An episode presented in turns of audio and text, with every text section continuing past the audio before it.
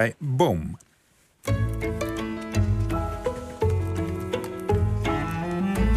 De column van Nelleke Noordervliet.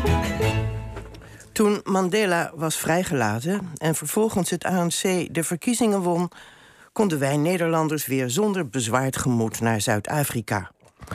Omgekeerd was F.W. de Klerk, de man die het mede had mogelijk gemaakt, welkom in ons land. Bij de Leidse Veerstichting werd hij in oktober 1999 onthaald als een groot staatsman en ik mocht naast hem zitten aan het diner. Waar ik de eer aan verdiende, heb ik nooit geweten. Ik was kort ervoor met de Taalunie in Zuid-Afrika geweest en zou kort erna opnieuw gaan.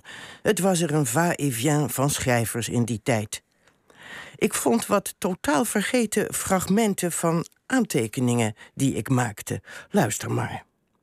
In Potchefstroom, de alma mater van F.W. de Klerk, zijn we naar de opening van het academisch jaar geweest.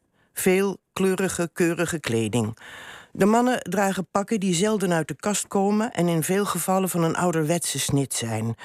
Er is een geelbleke, magere man met grijs haar en een grijze snor, van binnen en van buiten uitgedroogd, oud perkament, een rechtvaardige christen, die zijn naaste liefde voor de zwartman altijd met een superieur vertoon van hoogmoedige nederigheid heeft beleden, die niet kan wennen aan de nieuwe bedeling en het nieuwe Zuid-Afrika, hoewel hij te oud is om er zelf last van te hebben.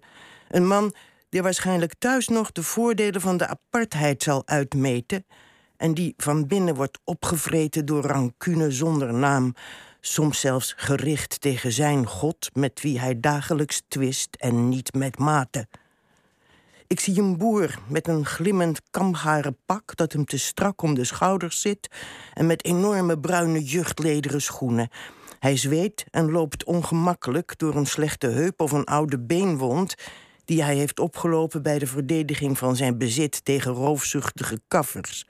Hij slaapt met zijn dubbelloops naast zijn hoofdkussen, maar hij heeft altijd gul gegeven aan de enige universiteit waar de leer van Christus in de naam is opgenomen. Dit land is van hem en het ruwe gevecht met de grond heeft hem het recht erop gegeven. Ik zie de tuinman van de rectorswoning. Al 25 jaar wiet hij de borders en snijdt hij het gras.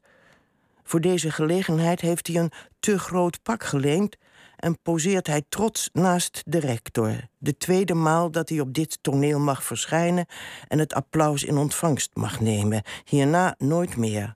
Alleen een overlijdensbericht in de krant van de universiteit. En thuis zijn drie zeuns, voor wie hij beducht is. Ze passen niet allen op, zijn niet godvrezend. Wat moet die als een van hen rooft en moordt? Hoe zal hij zich schamen en dieper het hoofd buigen als hij in de tuin werkt en de rector hem passeert op weg naar de voordeur? U moet maar bedenken, ik ben romanschrijver. Overal zie ik materiaal. Ja, Nelleke, dank je wel. Uh, als je nog even nog teruggaat aan het moment dat je daar zat, zag je in die, met name in die witte heren ook de geest van Jan van Riebeek terug, als het ware, waar we het straks over gaan hebben, over de, de, de mannen die Jan van Riebeek hebben gelanceerd, als het ware. Uh, ik ken Jan van Riebeek vrij slecht. Ik, wel, uh, ik heb wel het een en ander over hem gelezen. Maar Jan van Riebeek is typisch zo'n eh, vaderlandse held... die van zijn sokkel is gevallen met een denderende klap. Maar uh, daar zal Bart 2 het straks vast wel over hebben. Ja, ja dat is zeker. Dank je wel.